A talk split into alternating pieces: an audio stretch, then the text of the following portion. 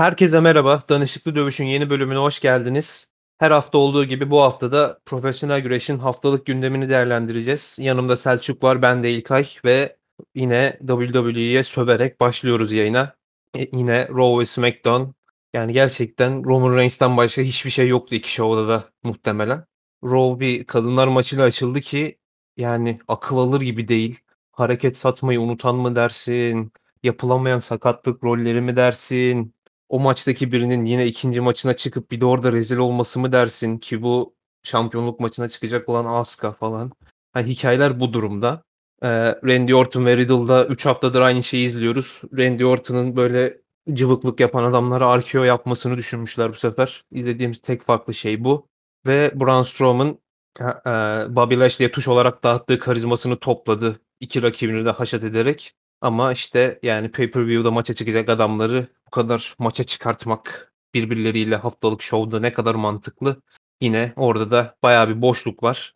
Raw gerçekten hani he, her hafta şunu dedirtiyor hani bundan daha kötüsü olamaz. Haftaya herhalde daha iyi bir şey izleriz diyorsun ama her hafta daha kötüsünü izletmeyi başarıyorlar gerçekten. Yani dönüp dolaşıp geldikleri nokta Jinder Mahal olunca yok abi hakikaten benim bir şey söyleyesim bile gelmiyor. Yani olumsuz bir yorum yapasım dahi gelmiyor. Çünkü yapılabilecek olumsuz yorumları da yaptık yani. Daha ötesine taşıyacak hiçbir şey yok bence. Ama şey falan tabii yine apayrı rezillik. Yani pay-per-view'dan 6 gün önce şampiyonluk maçındaki 3 kişiden ikisini bayağı temiz bir şekilde böyle karşı karşıya getirmek falan. Şimdi yani benim Aska'dan ne beklentim olabilir ki abi Backlash'te? Ne düşünmem gerekiyor yani bu ne kattı? Hiçbir şey katmadı. Rhea Ripley'i güçlü gösterdiyse Rhea Ripley pay-per-view'da kazansın zaten güçlü gözükür yani bu ne yani tamamıyla artık şovu doldurmak için her türlü kemerde, her türlü şeyde akla gelebilecek senaryoda, hikayede, karakterde tamamıyla bu televizyon anlaşmasında yazılı olan süreyi doldurmak için kullanılan bir vaziyet ya. Başka hiçbir şekilde yani elle tutulur, kayda değer bir şey izleyemediğimizi hissediyorum ben. WWE kemeri etrafında dönen şeyler apayrı saçmalıklar. Geçen hafta zaten söylediğimiz bütün rezilliklerin aynı şekilde devam etmesi. Yok yani tatsız ve bayağı üzücü bir durum artık. Yani Abi, dalga geçilecek bir hali bile kalmadı maalesef. Yani 2021 yılında bir şovun en çekici yeri Shelton Benjamin galibiyeti olmamalı. Yani bu, bu kadar net yani çok saçma abi. Mesela SmackDown'a geçeceğim şimdi. Roman Reigns hariç hiçbir şey yok. Ya yok ya yok abi yok. Yani mesela e, Intercontinental kemeri için haftalardır bir çekişme var. Dört kişi arasında dönüyor işte. Hani beklersin ki pay-per-view'a maç duyurulsun. Çünkü bu adamlar bir aydır, bir buçuk aydır birbirlerine girişiyorlar. Hatta bunun daha öncesine giden çekişmeleri de var ikişer olarak. Hani ayrı ayrı şekilde. Abi gittiler SmackDown'a duyurdular maçı. Gelecek hafta SmackDown'da olacak. Pay-per-view şovunda kemerin yeri yok. Ve hani Intercontinental kemeri genelde hani dünya şampiyonluklarından sonraki en büyük kemer olarak öne çıkar. Ya ve yeni bir yıldız yaratmışsın orada. Hani ne kadar yıldız denir bilmiyorum da yeni bir adam yaratmışsın orada. Yeni bir isim yaratmışsın. Apollo Cruz'u yaratmışsın. Adama pay-per-view maçı vermeyerek hani soktuğun hale bak. Onun yanında Tamina ve Natalia'ya kemer veriyorsun 2021 yılında. Yani 15 yıldır splash yapmayı öğrenemeyen Tamina Snuka şu an WWE'de bir şampiyonluk kemeri taşıyor. Dünyanın en büyük profesyonel güreş şirketinde şampiyonluk kemeri taşıyan kadın dümdüz bir splash yapamıyor ve bunun yanında seyirciyle iletişim kuramıyor diye Keith Lee'nin falan beklediği yerleri görüyoruz. Cesaro'nun 10 yıldır fırsat bulamayışını falan görüyoruz. Tamina mı kuruyor seyirciyle iletişim? Yani bu mudur ayaklarının yani? üstüne iniyor ya Splash'te. İlk defa öyle bir yöntem gördüm. Önce ayaklarının üstüne iniyor sonra tekrar yere düşerek. İnanılmaz abi ya. Ve, Ve hani hani, mesela... hani şey diye pazarlamaları da acayip rahatsız edici. İşte seneler sonra hatırlanılacak inanılmaz bir an falan filan. Yani ne abi yani propaganda yapıyorlar resmen ya. Kim kendi kafalarındaki abi? şeyi hiçbir şekilde yansıtamadıkları için kendi kafalarında olan şeyi doğrudan artık söyleme kısmına geçtiler. Yani şovu güreşçiler değil yorumcuların söylediği üzerinden anlıyorum ben ne yapmaya çalıştıklarını. Çünkü izlediğimiz şey inanılmaz kalitesiz bir şey. Ve tam anlamıyla artık yani bu e, geri kalan dişler işliyor olsa çok kötü bir şey olmazdı belki ama e, direkt olarak Roman Reigns'e ayrılmış bir show durumunda artık SmackDown. Son bir aydır özellikle. Geri kalan şeyler güzel olsa, kendi üzerine düşen rolleri yerine getirebiliyor olsalar ortaya gene uyumlu bir şeyler çıkabilir. Ama yok yani hiçbir şekilde. Bütün show 2 saat boyunca sürekli olarak Roman Reigns'in gözükmesini bekliyoruz yani. Gözükse de bir şey yapsa. işte Usolarla arasında bir dinamik var. Cesaro oradan belki hadi bir şeyler yapar ilgi çeker. Ve bunun üzerine geçiyor. İşte Daniel Bryan'ın oradan çekilmesi, Edge'in oradan çekilmesi iyice kısırlaştırdı. Bilmiyorum yani nereye kadar bu şekilde gidebilirler. Yani Tamina'nı nereye götürebilir? Alistair Black'le ilgili birkaç bir şey izliyoruz ama yok yani ben pek bir ümidim yok. Kısa süre için evet ya. belki başarılı olur ama yok yani işte Nakamura'ya emeklilik ikramiyesi olarak taş falan veriyorlar. Abi yani hiçbir şekilde Abi- kayda değer görmüyorum ben yaşanan şeyleri. Yani Bianca Belair'den bir şey bekliyorum ben mesela. Hani fark yaratır diye. Çünkü hani WrestleMania'da ana yapma. olay çıktı sonuç olarak. Ya 4 haftadır aynı promoyu kesiyorlar abi Bayley ile. 4 haftadır aynı promo yani. Ya Hiçbir şey inanılmaz bir şey abi. Ya abi 4 hafta aynı şeyi izleteceğine hani ya ne bileyim ya o Performance Center'daki şovlarda falan hani Bianca Belair böyle pistte falan koşuyordu. Onları yapsan daha iyi yani. Abi Bianca Kimse Belair'in maça kıyafeti- çıkmıyor. moda şovu izliyoruz resmen. Bianca Belair her hafta farklı böyle ışıltılı kıyafet giyiyor. Onu izliyoruz yani. Moda şovuna döndü iyice. Ya neyse biraz Ro- Roman Reigns kısmına geleceğim. Çok da uzatmaya gerek yok. Ee, WWE benim geçen hafta aşırı rahatsız olduğum Jimmy Uso'nun ne düşündüğünü bilmemesi durumunu hani e, iki kardeşe farklı farklı tişörtler yaparak çözmeyi akıl etmiş. Hani ben kimsenin köpeği değilim yazan bir tişört giyiyordu Jimmy Uso. Jey Uso da sağ kol yazan bir tişört giyiyordu. Artık öyle anlatmayı e, daha kolay görmüşler belli ki. Jimmy Uso da ne düşündüğüne karar vermiş gibiydi. Artık böyle hani Roman Reigns'i sevmiyor. Tavırlarından rahatsız ve Jey Uso'yu kardeşi olduğu için bir, bir adım öne koyuyor. Ona yardım etmeden içi gidiyor falan filan durumuna gelmiş iyice. Ee, yani şovda Cesaro'nun üçüne de üstünlük kurması bence yine gerekli bir şeydi geçen hafta olduğu gibi geçen haftanın aynısını izledik gibi bir şey olsa da hani Cesaro'nun üstün çıkması gerekiyordu çünkü adam ondan önceki 3-4 hafta falan sürekli ben gerizekalıyım ama iyi güreşçiyim tadında bir karaktere dönüm dönmüştü ve sürekli bir şeyler kaybediyordu. Daniel Bryan'ın uşağı gibi geziyordu yanında. Yani o açıdan Cesaro'nun üstün çıkması iyi ama kemeri kaybet kemeri kazanamayacağı o kadar açık ki yani bir pay-per-view şovuna bu kadar sonucu belli bir şeyle mi gitmelisin? Bu kadar klişe bir karakterle mi gitmelisin? Cesaro'nun promoları aşırı klişe mesela. Hiçbir farklılık yok. Hiçbir böyle hani kritik fark yaratacak hiçbir özelliği yok Cesaro'nun şu anki karakterinin. Yani Roman Reigns taşıyor yani burayı da. Yani ekleyecek hiçbir şeyim yok benim maalesef. O zaman- Geçebiliriz istiyorsan NXT'ye falan.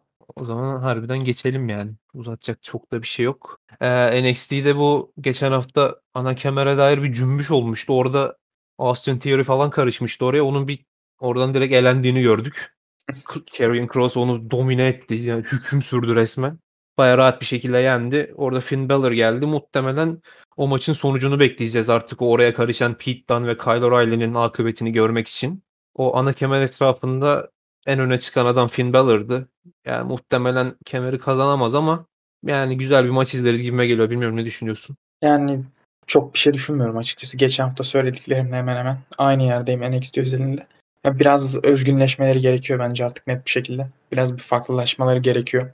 Ee, abartarak sunuyorlar pek çok şeyi. Ve bu yani ana kemer feudunda da geçerli oluyor benim için.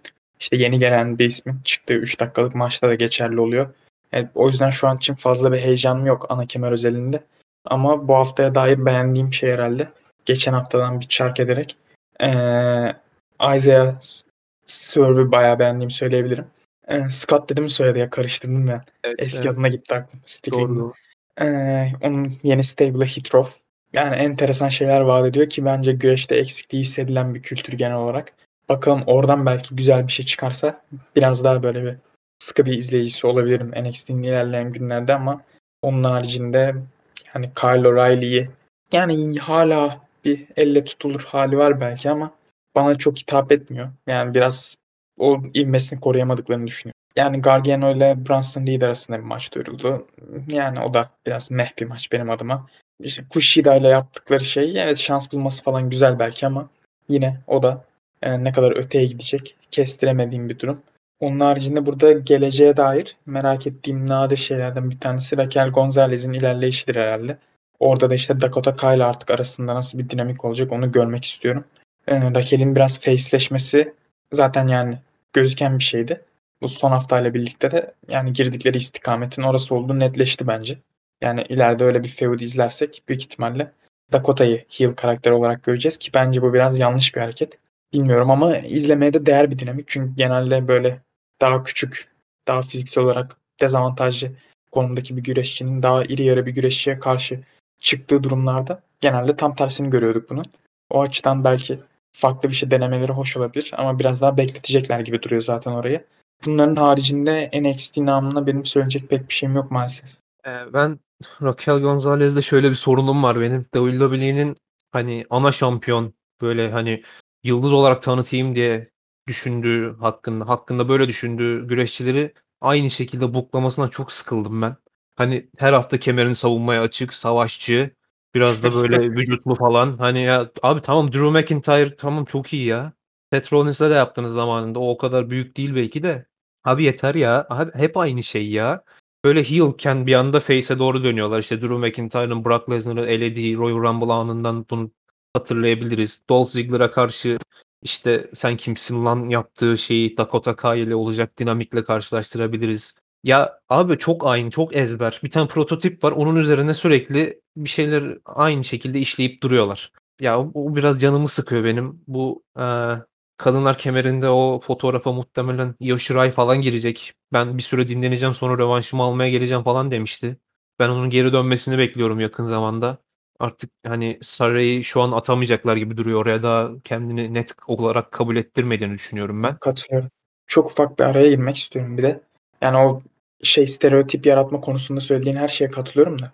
Abi yani ana kadrolaşıyor ya. Söylemek istediğim şey o NXT özelinde. Ya bu kadar formül üzerinden ilerlememeli her şey. Yani herkes mi metalci ya? Yani sizi sınav falan mı tabi tutuyorlar aga? Ya bir farklılık olsun. Karakter namına hiçbir şey kalmamaya başlıyor bir yerden sonra bence. Ya Karrion Cross mesela o da yanlış anlaşılan bir durum diye düşünüyorum. Evet Karrion Cross farklı bir adam ama karakter olarak ne koyuyor ki abi ortaya? Yani takım elbise falan giyiyor. Arkalarında bir garip garip promolar kesiyor da bu ne bileyim bana işlemiyor yani. Bu sadece bir şey yapmak istediklerini görüyorum ama onu yapamıyorlar yine. Ki Cross gene en iyi örneklerden bir tanesi herhalde farklılık yaratabildikleri konuda. Belki biraz yanlış bir isim seçmiş olabilirim ama anlaşıldığını düşünüyorum neyi anlatmaya çalıştığımı. Raquel Gonzalez örneğinde de yani mesela şimdi pek alışılageldik bir şampiyon değil değil mi NXT kadınlar kısmını düşündüğümüzde. Tarih boyunca işte çok nadiren el değiştiren ve kemeri tutan herkesin hakikaten böyle ana kadroya çıksa bile ciddi başarılar elde edebildiği bir kemer. Doğru muyum? Cevap gelmedi. Evet, evet dedim ya. gelmedi ses de. Şimdi Raquel Gonzalez mesela buraya çıkarken ya da bu kemeri alırken kendini o seviyede kanıtlamış birisi değildi. O seviyeye bu kemerle çıkacak bir isimdi ve bu açıdan da bir istisnaydı. Abi elinde bir fırsat var bunu bir değiştir yani mesela karakter olarak bir şeyle bir öne çıksın veya heel olarak başka bir şey katsın kemere. Yok anasını satayım kemere aldığı gibi tek amaç güzel maç çıkartmak oluyor. Ya baba güzel maç zaten çıkartsın bu adamların işi o da. Yani bir şey bir kat ya. Yani aklına gelen ilk şey tamam Dakota Kay'la da yapsın. Onu da yapsın okey. O işe de girişsin de. Bir şeyleri bir deneyin yani. Tam anlamıyla ya şey gibi ya artık NXT yapımcıları da, booklayanlar da bu işten keyif alıyor gibi gelmiyorlar bana. Ya bunu şey olarak söylemiyorum. Böyledir diye demiyorum. İzlediğim ürün öyle bir şey düşündürtüyor artık bana. Yine tam anlatamadım ama yani söylemeye çalıştığım şey sanki NXT'yi booklamak, NXT'yi televizyona sunmak bir ödevmiş gibi. Yani bu kadar formül üzerinden ilerleyecek bir şey yok. Biraz daha akışına bırakılması gerekiyor. İşte biraz daha güreşçilerin özgürlüklerine bırakılması gerekiyor ama o toplara WWE'nin hiçbir şekilde girmeye niyeti yoktu. NXT de girmeyecekse yani üzücü bir durum. Ben biraz da beğendiğim şeylere değinmek istiyorum. Öncelikle e, Swerve'ın stable'ını ben de bayağı beğendim. Ya bu AEW'nun gerek Private Party ile gerek Martin kardeşlerle, Top Flight'la falan denediği şeyi tek de, tek de vurdular gibi yani tek atışta vurdular gibi. Ben aşırı beğendim. Hani böyle abi aşırı farklılar. O hani BFAB olarak gelen Brianna Brandy'nin falan performansını bayağı beğendim. Top Dollar işte AJ Francis miydi adı?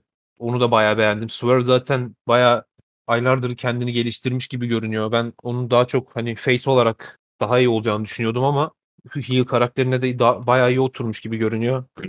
Sürekli hani rakiplerine karşı 2 dakikada yatan Ashanti Adonis de hani buraya iyi eklemlenmiş gibi. Üyeler açısından hiçbir sıkıntı görmedim. Ve hani oluşturdukları karakter senin de dediğin gibi o farklı kültürü yansıtmaları falan bayağı iyi geldi bana. Promolarını bayağı beğendim. Yani bayağı iyi yerleri varacaklarını düşünüyorum. İnşallah bozmazlar bu gidişi. Ee, beğendiğim diğer bir konu yani beğendiğim mi diyeyim, dikkatimi çeken mi diyeyim bilmiyorum ama Santos Escobar'la Kushida'nın hani bayağı sağlam bir maçı vardı. İşte 4 yıldız almış zaten. burada hesap kapandı artık muhtemelen. Ben yani daha önce de söylediğim gibi Escobar'ın kemerini bu şekilde kaybetmesine ve buradan bu şekilde çıkmasına biraz soğuktum. Ama Escobar buradan daha yukarı gidecek gibi duruyor. Hani bu Evet. açıdan eee, hani Kushida'nın daha güçsüz bir şampiyon olması, kemeri roll up'la alması, yorgun şampiyonu yenmesi falan kemere değer kaybettiren şeyler olsa da Santos Escobar gibi bir ismi yukarı atmanın karşılığında yapılabilecek bir fedakarlık bence bu.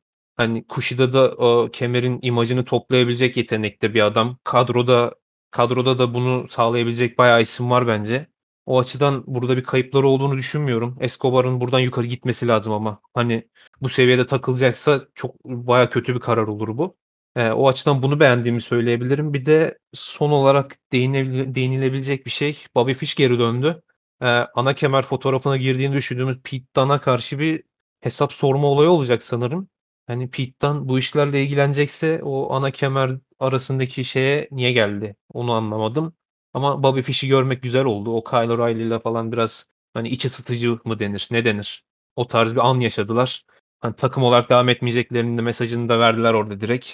Bobby Fish'i tek başına izlemek biraz ilginç olacak. Ya bilmiyorum sen Bobby Fish hakkında bir şey demek istiyor musun? Yok ya ne diyeyim yani Bobby Fish hakkında da bir şey demeyeyim ya. Ama yani katılıyorum dediklerine. Ekstra herhangi bir söyleyecek bir şeyim yok o özelde. Dunne'a da işte ne bileyim Allah yardım etsin. Pek onunla ne yapmaya çalıştıklarını anlamadım. Biraz daha bekleyelim diye düşünüyorum net bir şey söylemek için ve Pete Dunne'la şey yapmaya çalışıyorlar ya. Dunne işte 6 ayda bir çıkıp WWE eee, UK sahnesini kurtardı demekle mükellef. E, Gelir yine yakında. Haziran ayına yaklaşıyoruz. Öyle bir açıklamasını yapar. Sonra 6 ay takılır gene. O zaman AEW'ye geçiyorum. AEW'de hani direkt şuna değinelim diyeceğimiz bir şey yok çünkü neredeyse boş olay yok şovda. Hani her şovun, her olayın bir önemi var. O yüzden hani baştan aşağıya doğru gideceğiz muhtemelen. John Moxley ve Yuji Nagata'nın maçından başlayalım. O, yüzden öyle düşünüyorum. Şovun ilk maçı. IWGP US kemeri savunuldu burada. Ben direkt senin görüşlerini alayım çünkü ilgilendiğim bir konu bu. Nagata falan filan değin işte bir şeyler anlat. Nagata'yı yeniden TNT sahnesinde 23 sene sonra görmek kimsenin beklediği bir şey değildi herhalde. Onun haricinde benim maçla ilgili en büyük övgüm genel sunuma olur diye düşünüyorum. Açılış maçı olmasına rağmen işte güreşçilerin girişleriyle, Moxley ayarlanan özel şarkıyla ki işte girişlerini ta soyunma odasından almalarıyla falan oldukça iyi bir atmosfer yaratıldı. Maç biraz daha uzun olabilirdi tabii ama Nagata'nın da 53 yaşında olduğunu unutmamak gerekiyor. Sertliği gayet yerindeydi ve güzel bir iş ortaya çıktığını düşünüyorum ben. İşte bu seyahat kısıtlamaları olmasa yüksek ihtimalle eee, çok daha fazla bağlantı görebiliriz New Japan ile AEW arasında ama şimdilik bunlarla idare etmek durumundayız. Yine de eee, net bir iyi niyet göstergesi olduğu gayet açık bence iki taraf adına da. Onun haricinde eee, söyleyebileceğim Cody'nin promosuna bir değinmek istiyorum ben Ben gerçekten. bir şu maçın süresi hakkında şunu söyleyeyim. AEW bu şov boyunca çok acele etti. Hani 2 saatin yetmediğini bayağı gösterdiler. Hani Evet o büyük bir sorun. Yani son bir aydır özellikle. konuştukça değiniriz de hani, hani 2 saatin yetmediği çok belli. İkinci şova çok net ihtiyaçları var. Kasım'da geldiği söyleniyor. İnşallah gelir artık yani. Gerçekten hani bu maça süre verilememesi, şovda kemer değişimi oluyor. Adam kemeri kaldırmadan diğer olaylar olmak zorunda. Çünkü şov bitiyor. 2 dakika kalmış bitmesine falan. Hoş değil yani. Sen Cody'den Yani- devam et. Orada güzel konuşmayacağız çünkü.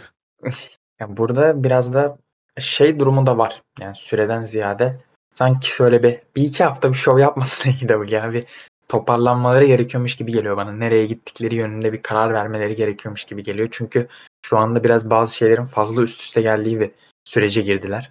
İşte seyircilik şovlara dönmek istiyorlar. Geçen hafta Blood and Guts vardı. Ay sonuna Double or Nothing yetişmek zorunda. Yani bir dünya sıkıntı. İşte burada belki tercih etmeleri gereken şey birkaç şeyi en azından Dark'a ya da Elevation Show'una aktarabilirler. Çok önemliyse de Dynamite'da kısa bir şekilde özet şeklinde onun tekrarını gösterirsin ama yani söylediklerine katılıyorum. O acele durumu bence şovdan çok şey götürüyor ve yapaylığı da artıran bir şey. Cody'nin promosu da herhalde ömrümde izlediğim en kötü 5 promo arasına çok çok rahat bir şekilde girebilecek Rezalet. anlamını hiçbir şekilde çıkartan abi nedir yani? Amerikan milliyetçiliğini İngiliz'e karşı mı yapıyorsunuz? Baba siz şaka mısınız ya? Ne anlatıyorsun abi? Yani burada iş niye buraya geldi? Buradan neye erişmeye çalıştılar? Hiçbir fikrim yok. Double or Nothing de buradan ne çıkar onu da pek kestiremiyorum ama Cody Ya- buradan face olduğunu düşünüyorsa Yani yapmasın abi. Kimse mi bir şey söylemiyor bu adama ya?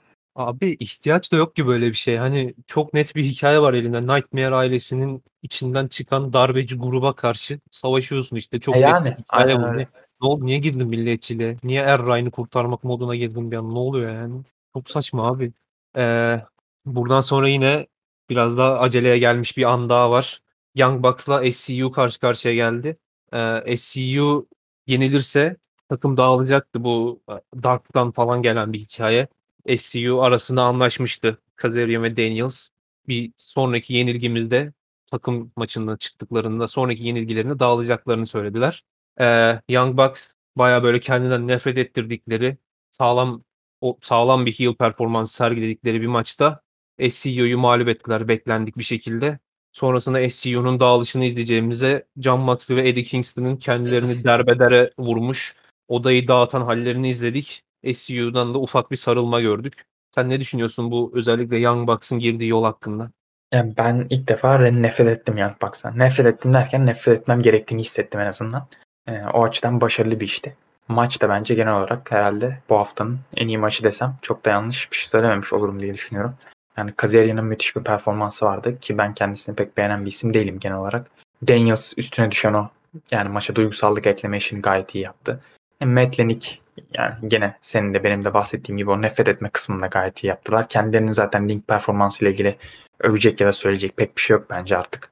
Ee, gönül isterdi ki işte biraz daha derli toplu bir şekilde e, kendi spotunu alabilmiş bir şekilde izleyelim bu maçı ama işte yine o süre olayına geliyoruz.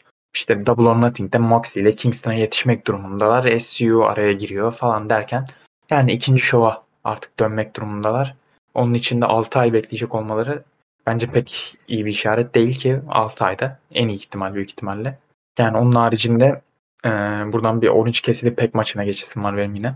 Evet sırada o var zaten. Ee, burada da AEW ilk defa bir krizde ölmedi desek doğru söylemiş oluruz bence. İlk defa böyle bir krizin altından doğaçlama bir şekilde. İyi değildi kesinlikle ama yapabilecekleri en iyi şey de buydu bence. Ee, şanssızlık tamamen. Bir, işte bir süre biraz da buradan sıkıntılıydı bu şov üzerinde. Çünkü bu maçı 20 dakikalık beraberlik düşünüyorlardı. Yani o olmayınca belki işte şovun sonrası rahatlasa da başı adına yapacak bir şey yoktu. E, maç hakkında söyleyecek çok bir şey yok bence burada. Bu sakatlığı iyi kotardıklarını zaten söyledik. Burada işte yani bu şampiyonluk maçı bu mudur? Kenny Omega'nın yani. girdiği yolda.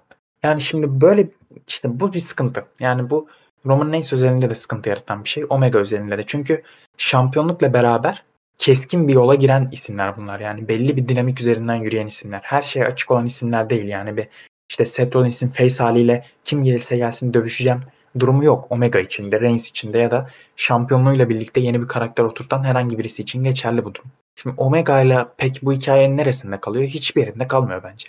Ee, Cage'in Adam Page'i yenmesinin ardından o ana kemer sahnesinin karışmasından ben memnundum ama yani burada gelinen nokta maalesef pek hoş değil. Ee, o karışık durumu pek iyi yansıtamadılar. Belki mesela orada işte artık ilk 4 kişi 5 kişi arasında biraz daha bir iki hafta en azından Blood and Guts'a kadar e, çekişme görseydik onu da, oradan bir e, aday çıksaydı daha elle tutulur bir şey olabilirdi ama böyle bakınca biraz evet yani fena isimler değil. Peck ile Omega'nın kalitesi zaten tartışılmaz. Orange Cassidy de seyircinin sevdiği bir isim. E, ilk defa seyirci önünde şov olacak. Uzun bir aradan sonra onun haricinde Omega ile birlikte vaat ettikleri bir komedi potansiyeli var falan okey ama yani main event olmazsa bu maç şaşırmam öyle söyleyeyim. Olmamalı bence. Stadium Stampede'den gitmeleri gerek. Yani abi zaten aceleye geldiği çok ortada çünkü bu normalde sıralamaya önem verdiklerini göstermeye çalışıyorlar burada. Sıralamaya önem verseniz hani Team Tez'in hani pislik heel olan Team Tez'in üyesi olan Brian Cage buraya çıkar derdi ki ben sıralamadaki birinci adamı yendim. Ben de burada bir şey hak ediyorum. Bana da bir şey verin derdi ama yok. Yani ortadan kayboldu bir anda. Sıralama durduk yere tepe taklak oldu. Ve böyle bir olaya çıktı işin sonu. Ya orada büyük ihtimalle Evet söyle söyle söyle. Ricky Starks'ın sakatlanması biraz Team Tez olayındaki işleri bozdu. Belki de yani Team Tez üzerinden bir şey düşünüyorlardı Cage'i. O bozulsa bile ama yap şu maçı 5'li 6'lı falan yap ya. Yani bir değişiklik yani. olsun sonuç olarak. AEW'de görmediğimiz bir şey. Omega'da biraz ciddiyet toparlar yani. Herkesi ezdim geçtim ayağına. Ama onunla gitmediler işte dediğimiz gibi. Yani günün sonunda hani hem sıralamaya verdiğin önemi tam gösterememiş oldun hem hikâyende bir boşluk oluştu hem de her şey aceleye geldiği için sürekli, hani, Blood and Guts'a bir şeyler aya ayarlayayım, sonrasına bakarız gibi bir yola girdiğin için sonuç bu oldu yani. Main event'in ana kemerinin maçına bak. Ya, biraz da şunu düşünüyorum, hani, Inner Circle'la Pinnacle rövanş maçına çıkacak. O yüzden mi böyle geçiştirmelik bir yola girdiler diyorum ama Double or Nothing senin en büyük şovlarından biri ve en büyük şovlarından birinde ana kemer maçı böyle bu maç ana kemer maçına layık bir maç olabilir bu arada başka bir ortamda. Bunu kesinlikle tartışmıyorum zaten de. Hani Double or Nothing senin en büyük şovlarından biriyken Aynen, aynen ana kemer maçın bu kadar, hani, gelişmemiş bir hikâye üzerine kurulmamalı. Bunu demek istiyorum. Yani biraz aceleye geldi işte yine her zaman söylediğimiz şey. Süreleri yok ve aceleye geldi. Eee, bu Team Taz'dan bahsetmişken ben Christian Cage'e de ufaktan değinmek istiyorum. Çok ortada kaldı gibime geliyor. Böyle, hani, sanırım Ricky Starks'tan ilerleyeceklerdi Christian özelinde. Evet, Biraz evet. Starks'a da tecrübe kazandırmak için Starks'ın o talihsiz sakatlığı, hani, bayağı ortada bıraktı gibi. Matt Sydal'la falan maça çıkacak adam. Yani Ben şey düşündüm. Cage'i atsalardı Omega'nın karşısına gene bence bir ama orada girmek istedikleri hikâye farklı yine anlayışla karşılıyor. Ben Sen şey düşündüm, şeyi düşündüm açıkçası, hani, acaba, hani, Cage'i atmadılar ana kemer fotoğrafına. Hani, dedim Christian Cage'le Adam Page'i mi bağlayacaklar, hani, Team Taz'la maça çıksınlar falan şeklinde. Oraya da gidemediler. Ricky Starks sakatlandığı için. Hobbs'ı da böyle aktif bir şekilde görmüyoruz. Hani, orası da talihsizlik mi diyelim, ne diyelim artık. Patladı orası. Azıcık da değindiğimiz Inner Circle, Pinnacle rövanşına geçeceğiz. Hani, buna da değinmek lazım çünkü. Ben şunu söylemek istiyorum kısaca. Abi War Games rövanşı olacak bir maç değil. Hani Blood and Guts maçı daha doğrusu. Bana kalırsa öyle yani. İnşallah Stadium Stampede'de hani bu Blood and Guts'ta gösterdiklerinin daha üstü bir sertlik gösterebilirler. Ben bunun yaşanma ihtimalini bayağı düşük görüyorum. Hani gösterebilirlerse helal olsun diyeceğim. Ama onu gösteremezlerse Blood and Guts rövanşı olacak bir maç türü değil. Orada bitmeliydi iş bence. Hani MJF'in verdiği sözü tutmaması, Jericho'yu yine de fırlatması falan filan evet bir rövanş maçına yol açacak şeyler anlıyorum. Ama hani maç sıralaması biraz sıkıntılı gibi geldi bana açıkçası. Ya, sebep tamamen o zaten ya. Yani MJF'in aşağı atması ve bence oradan bağlamaları yapabilecekleri en iyi şey. Ama e, ben Stadium Stampede'i biraz daha komedi maçı şeklinde göreceğimizi düşünüyorum. Maça geliş açısından da bakarsak işte Inner Circle'ın artık şampanya yağmuruna, banyosuna maruz bırakması Pinnacle'ı e, ona işaret ediyor bence.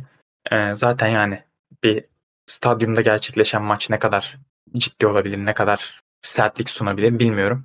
Ee, onun haricinde Inner Circle'ın kazanıp kazanmayacağı ile ilgili biraz bir yani ben bir kay- kaybetme potansiyeli görüyorum maalesef. Ama yani yine de burada favori olarak onları belirlemekte herhangi bir sorun yok. Burada Jericho'nun sakatlığı yine bir soru işareti. Bir de benim adıma buradaki en büyük soru işareti sonuç olarak şov seyircili bir şekilde gerçekleşecek. Ve ee, bu Stadium Stampede maçının yani sinematik bir maç olarak tam anlamıyla ve geçen seneki gibi 40 dakika falan yaparlarsa seyirciyi nasıl şovda tutmak istiyorlar bilmiyorum.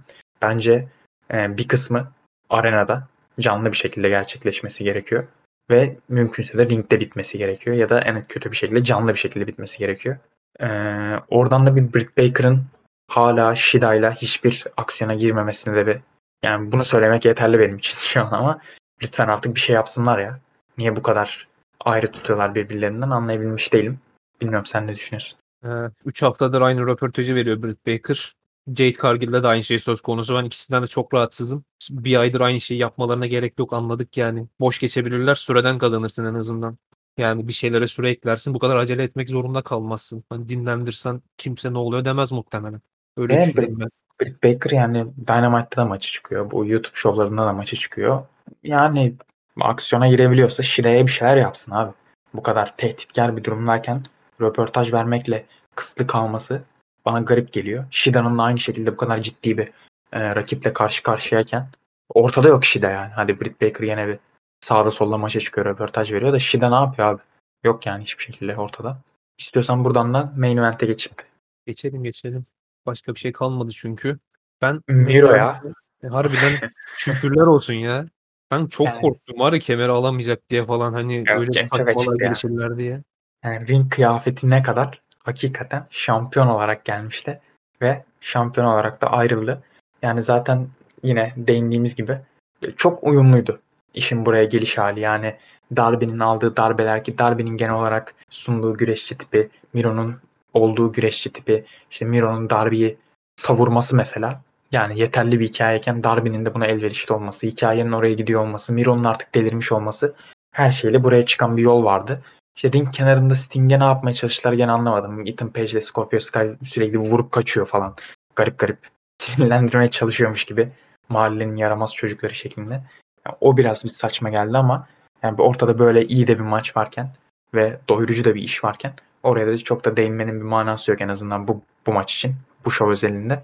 E, maç sonunda yine bir Sting ile Darby'nin Darby artık orada kaybettiğini farkında bir şekilde Sting'e baktı. Sting'le bir yumruk tokuşturdukları ve hikayeyi benim adıma böyle bir doyurdukları, olgunlaştırdıkları bir spotta o da hoşuma gitti. Miro'nun bitiş, bitiriş şekli gayet güzeldi. Ee, Game Over finisher'ını o şekilde farklı varyasyonlar katması iyi bir şey kesinlikle. Şovun sonunda yine o e, TNT kemeri etrafındaki karışıklıktan tavizi vermemeleri de bence bir avantajdı. Yani Dark Order'da bu potada istediği zaman Hardy tayfa da buraya girebilecek durumda. Lance Archer zaten burada. Skyla Page zaten burada. Darby Allin'in burada olmasa da en azından yani buradan çıkmış olsa da hala burayı beslediğini söyleyebiliriz. E Miro zaten yepyeni bir başlangıça giriyor bu şekilde. Ben buradan memnun kaldım açıkçası. Ya ben de genel olarak özellikle sonuçtan memnunum ama yani bir pozitifi söyleyip negatif gördüğüm şeyleri söylemek istiyorum. Darby Allin'i güçlü gösterdiler. Hani bunu önceden planlamışlar. O Skyla Page'in onu merdivenlerden aşağı atması ve maça çıkmazsan kemer gider şeklinde bir kural koymaları falan filan. Hani Darby Allin'i yaralı bir şekilde çıkardık maça. O da biraz güçsüz bir haldeydi şeklinde bir mesaj verdi.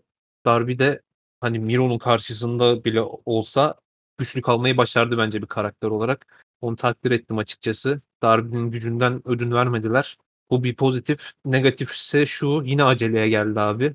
Miro kemerini kaldırmaya vakit bulamadı abi. Şov bitti çünkü. Bir süre kalmadı. Yani WCW gibi 10 dakika sarkacaktı şov kemerini kaldırmasına izin verseler. Ve hani buraya Lance Archer falan girdi derken Darby Allin'la Sting, e, Ethan Page ve Scorpio Sky'la bir takım maçına gidecek. E, Miro'nun karşısındaki rakiple arasındaki şey gene aceleye gelecek. Hani iki show mu kalmış oluyor, bir show mu kalmış oluyor bilmiyorum ama şov var şu an. Hani Tek. Double or Nothing'de Miro kemerini korumak için bir maça çıkacaksa karşısındaki rakiple arasında hiçbir şey inşa edilemeyecek neredeyse. Orası biraz havada kalacak gibi duruyor. Yine biraz aceleye gelmiş olacak. Çünkü o Blood and Guts bütün takvime alaşağı etti. Tepe taklak etti neredeyse. Çok kötü bir yerde denk gelmiş o show. Hani fark etmedik aslında ama o Belliydi kadar ya.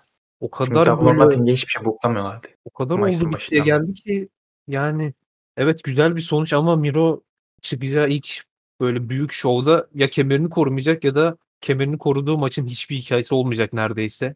Böyle biraz zayıf bir build-up'la gelecek gibi duruyor. Ya bilmiyorum o yüzden ne kadar sevinsem de biraz ilerisi için şüphelenmiyor da değilim. Ee, ekleyecek bir şeyin var mı? Ekleyecek bir şeyim yok. İstersen Backlash ile ilgili bir görüşlerimiz varsa tabii. Yani bu kadar kötü bir şovla ilgili ne söylemeyi bilmiyorum. Sonuç olarak o da yarın gece gerçekleşecek. İğrenç Senin bir şov bir tahmin iğrenç bir veya iğrenç bir şov olacağını düşünüyorum. Ee, hiçbir kemerin el değiştirmeyeceğini düşünüyorum sanırım. Belki Rey Mysterio ile Dominic takım kemerlerini kazanır. Onun dışında hiçbir değişiklik beklemiyorum. Sonuçların aşırı belli olduğunu düşünüyorum ve hani bir Drew McIntyre sürprizi çıksa galiba benim için şovun en iyi noktası falan olabilir. Böyle en şaşırtıcı noktası olabilir. Ve Roman Reigns bir de işte Roman Reigns'i bekleyeceğiz. Sadece onu görmeyi, şarkısını duymayı falan. yani Çok burada ya takım maçı hiçbir şekilde bana hitap etmiyor zaten. Priest Miz aynı şekilde. Reigns Cesaro yani sonuç çok belli olsa da gene de iyi bir şeyler izleme potansiyelimiz yüksek orada ki Uso'ların da dahili, dahil olmasıyla enteresan şeyler çıkabilir belki. Ee, Raw kadınlar maçının sonucundan yani orada bir bir şeyler dönmesi muhtemel. Sonya Deville falan filan. Belki gene bir şey çıkarsa çıkar ama genel olarak beklentim düşük. Bianca Belair Bayley belki bir Sasha Banks özelinde bir şey olursa orada. Yani bunlar tamamıyla artık %5'lik ihtimaller üzerinden konuşuyoruz maalesef. Ee, ana kemer maçıyla ilgili de yani Drew McIntyre artık kazansa bile sevinmem ben. Çünkü gerçekten çok ayıp edildiğini düşünüyorum kendisine ve zaten şu hikayeden sonra da sevinilecek bir taraf görmüyorum ben bu maçta. Benim de yine zaten Ee, WrestleMania evet. Backlash olmasından da ötürü hiç beklentim yok bu şovdan. Büyük ihtimalle bir iki maç daha eklerler. Kickoff falan doldurmak için. Ama yani tatsız bir şov olacağı belli her tarafında. şey eklemek istiyorum. Bu Uso'lar konusunda iki hafta üst üste aynı şeyi izledik. Burada bir şeyler olması gerek. Hani Jimmy Uso'nun kararını vermesi gerek artık. maçta hani onunla bitebilir aslında. Oradan bir şey bekliyorum açıkçası. Onu söylemeyi unuttum. Ona değinmek istiyorum. Eee, o zaman bu Zelina Vega saçmalığına değineceğiz mi? Yani nasıl değinmemizi bekliyorsun bilmiyorum ama Sendikacılık Ne diyeyim falan abi? filan deyip 2 ay sonra şirkete dönmesi hakkında söyleyecek bir şeylerin Aynen vardır bence. yani Zelina Vega kim ki bunda suçlayayım? O yüzden yani suçlayacak bir şey yok bence. Zaten eee kaydı değer bir, şey, bir isim olsaydı iş buralara gelmezdi. Ama Ya- yok ya hakikaten söyleyecek bir şeyim yok. Yani kişilerin kararlarına da karışmak istemiyorum sonuç olarak. O hayatları ben yaşamıyorum ama o zaman hiç girmeyeceksin abi bu toplara. Abi Bu kadar söyleyip şirketle, bırakayım şimdilik. Ne yapacağını ne edeceğini de görmek istiyorum çünkü. Şirketle yol ayrımına gelen hiçbir kişi sonuçta iyi bir yere varmadı. Jeff Hardy'de de gördük bunu. Hani bir, kıtalar arası kemerini aldı. Sonra görüyoruz halini. Jinder Mahal'e 5 dakikada yeniliyor falan filan. Ya bu noktaya gelip buradan yükselen, iyi çıkan kimse olmadı. Yani bu yola girmeleri bu güreşçilerin özellikle bu kadar alternatifleri varken ona çok üzücü geliyor açıkçası ve Hatırlıyorum. böyle diyerek de konularımız Son olarak sanırım. ben de bir şey söyleyeyim. Yani ne kadar kindar bir şirket olduğu da gayet açık WWE'nin. Özellikle WCW örneğinde. Yani olay bittikten seneler sonra daha iyi. Abi Sting ya en basit örnek yani. Olay bittikten 14-15 sene sonra bile hala WCW'yi cezalandırmak var bu adamların kafalarında. E, Zelina Vega'yı mı unutacaklar? Unutmayacaklar yani. iki yıl sonra eşyalarını evine çöp poşetiyle aldığında bir daha Union falan diye tweet atmaz. Kendisine ders olur inşallah diyeyim. Onun haricinde başarılar diliyorum bu yeni yolculuğunda. Benim de söyleyeceklerim bu kadar. O zaman eee, her zamanki hatırlatmamızı yapalım. Profesyonelgüreş.com'a bu konuları ve çok daha fazlasını tartışmak için üye olmayı unutmayın. WrestleMania Backlash'i artık ne zaman değerlendiririz? Hani böyle ani bir hafta içi yayını mı gelir yoksa yine hafta sonu mu değerlendiririz? Onu sonra kararlaştıracağız. O zaman haftaya görüşmek üzere. Hoşçakalın. Dinlediğiniz için teşekkürler. Hoşçakalın.